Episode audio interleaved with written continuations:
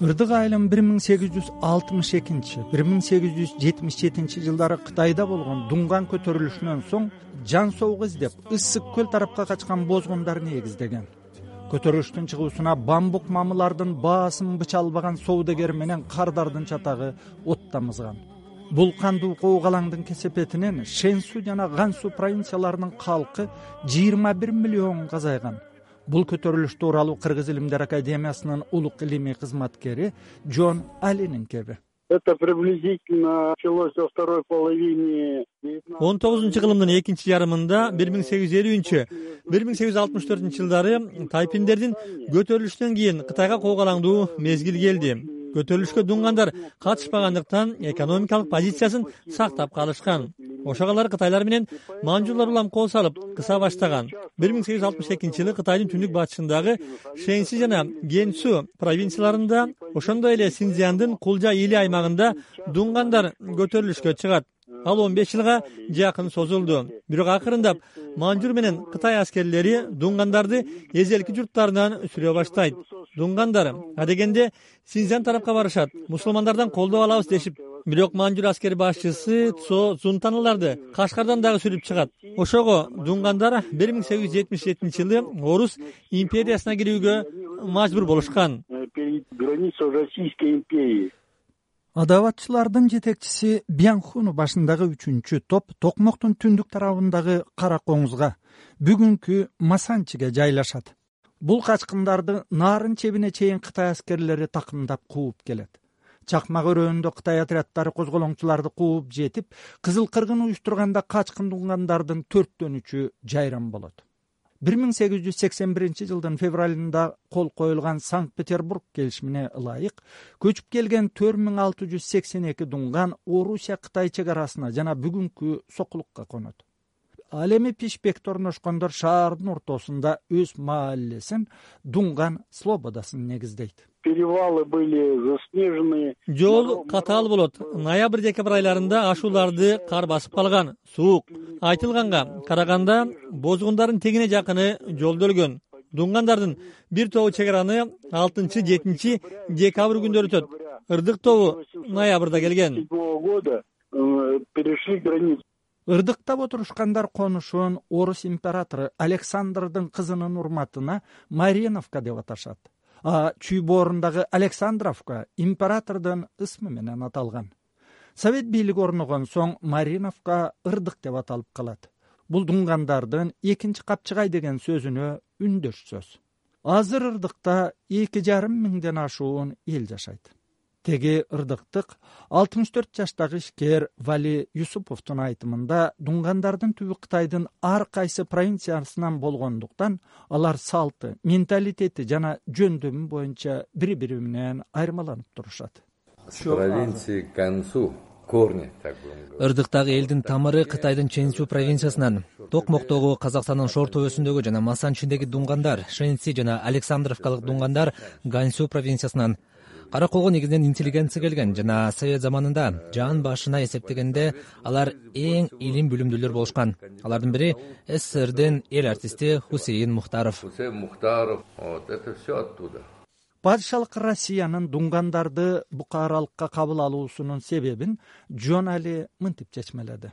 Я думаю что русские власти считали что менимче орус бийликтери непада кытай менен мамиле осолдоп кетсе дуңгандарды манжуларга каршы пайдаланабыз деп болжошкон. Дуңгандарды падышалык армияда кызмат кыласыңар деген шарт менен кабыл алган. Борбор азиянын башка элдери ал кезде падышалык аскерге чакырылбаган. Аларга караколдон биринчи чакырым жердеги бүгүн ырдык деп аталган жер берилет. Ал капчагайдан аккан дарыя өрдөк деп аталат. Бирок дуңгандар кыргызча билишпегендиктен аны өз тилинде эрдогу же экинчи капчагай деп аташкан. Чын эле айыл караколдон кираткандагы экинчи капчагайдан орун алган. Ырдык дуңгандарынын мал мүлктүү болушканын алар бир миң тогуз жүз онунчу жылы караколдо курган атактуу мечит дагы күбөлөйт мындан чоңураак мечит ырдыкта дагы курулган экен. Ырдыктык дуңгандар бир миң тогуз жүз он алтынчы жылкы көтөрүлүштө кыргыздарды колдошкон. Ал үчүн караколдун жамы дуңгандары жок кылынган. Ырдыктын эли кытайга качкан адабатка катышпагандар жана бизге тийбейт деп ишенгендер дагы кырылган. Ырдыкка болсо жети суунун казак орустары отурукташкан совет бийлиги орногондон кийин жыйырманчы жылдары атайын иш чаралардын натыйжасында дуңгандар кытайдан кайра кери алышты жана аларга ырдык айылы кайтарылган. Они смогли вернуться обратно в Ирдык.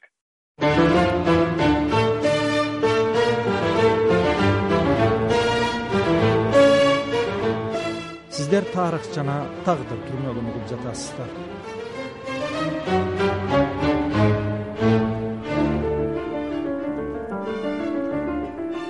Ырдыктык дуңгандардын андан аркы тарыхы мурдакы совет элинин тагдырына окшош. Буга вали юсуповдун ата энесинин тагдыры айкын мисал юсуфовдордун үй бүлөсүн бир миң тогуз жүз отузунчу жылдардагы кулакка тартуу эл ичинен коомго жат элементтерди издөө жана душман деп жок кылуу саясаты кыйгап өтпөйт. Мой дедушка был рожден в 1870 менин чоң атам бир миң сегиз жүз жетимишинчи жылы туулган. Ал совет бийлиги келгенде ырдыкта биринчи айыл өкмөтүнүн төрагасы болот. Анан тейшик колхозу түзүлөт бул аталышты чарбага менин чоң атам берген. Кийин жаңы экономикалык саясат неп башталып элге бир аз эркиндик берилет атамдар тез эле байып кетишет. Репрессия биринчи кезекте колумда бар. Өзүнө тоок адамдарды жуттум. Бир миң тогуз жүз отузунчу жылдары адамдар бири бирин каралаган жамандап сөз ташыган тигил эл душманы деп сөөмөй менен көрсөткөн. Чоң атам атылса керек. Аны карапайым адамды бир миң тогуз жүз отуз сегизинчи жылы ырдыктан алып кетишкен. А эмнеге камакка алынганын кайсы жерде атылганын сөөгү кайда көмүлгөнүн. Ушул күнгө чейин билбейбиз. До сих пор мы тоже не знаем, или где похоронен, где расстрелян.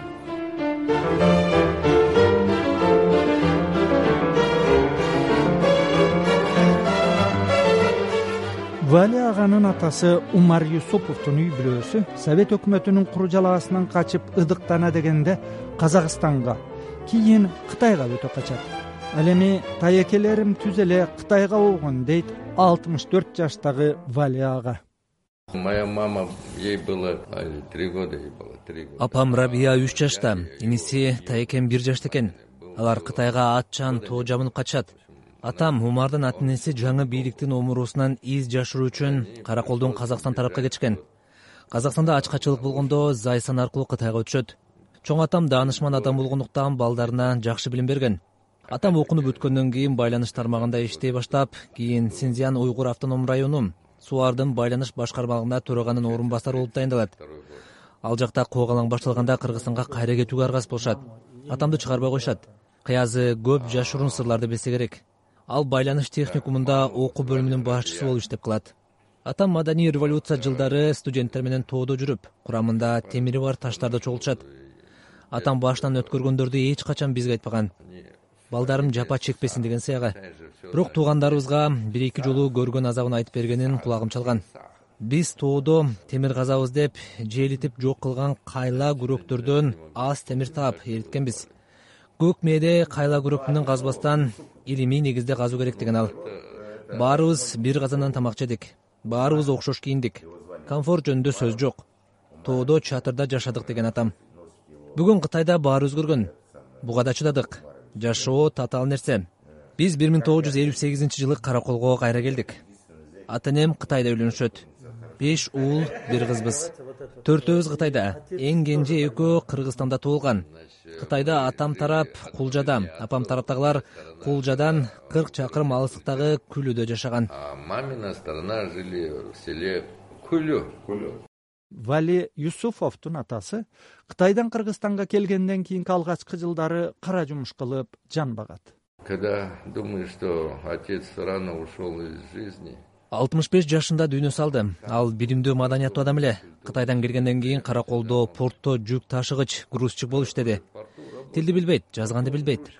Анын билиминин кимге кереги бар?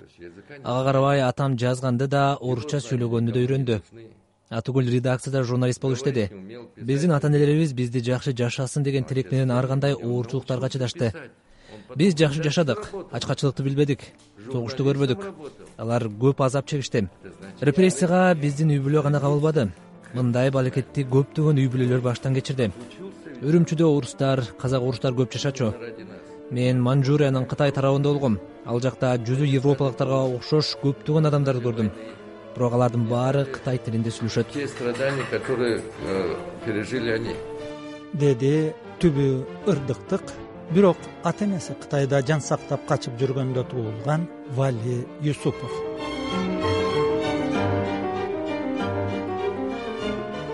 Ырдык тунгандарынын катаал тагдырына жергиликтүү музейдин экспонаттары да күбө.